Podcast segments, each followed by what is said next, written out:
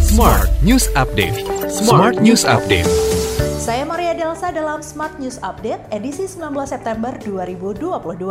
Smart Listeners, Menteri Pendayagunaan Aparatur Negara Reformasi Birokrasi Abdullah Aswar Anas membuka peluang untuk membatalkan kebijakan penghapusan honorer pada 2023. Anas menyebut peluang perubahan kebijakan itu ada lantaran menguatnya penolakan dari pemerintah daerah.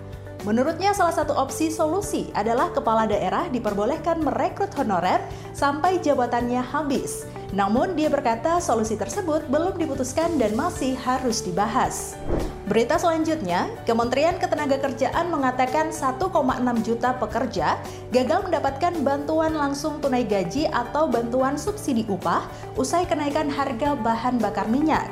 Sekretaris Direktorat Jenderal Pembinaan Hubungan Industrial dan Jaminan Sosial Tenaga Kerja Kemnaker, Surya Lukita Warman mengatakan BSU awalnya ditargetkan untuk 16,2 juta pekerja bergaji di bawah 3,5 juta per bulan, namun setelah proses verifikasi hanya 14,6 juta pekerja yang berhak mendapatkan BLT gaji. Dengan demikian, anggaran yang dibutuhkan juga turun dari 9,6 triliun rupiah menjadi 8,7 triliun rupiah.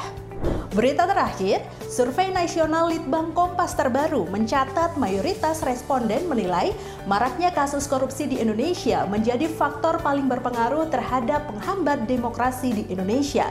Survei ini dilakukan terhadap 504 responden dari 34 provinsi Indonesia selama periode 6 hingga 9 September 2022.